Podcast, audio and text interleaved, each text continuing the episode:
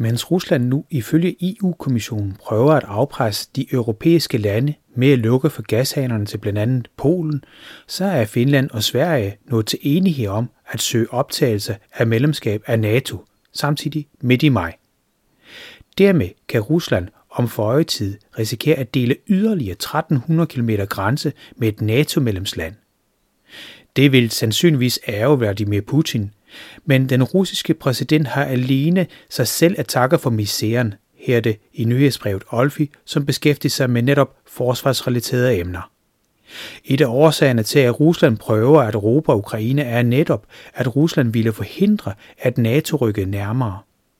Rusland har da, ifølge de svenske medier, allerede tidligere truet vores naboland med konsekvenser, hvis Sverige ville søge optagelse i NATO.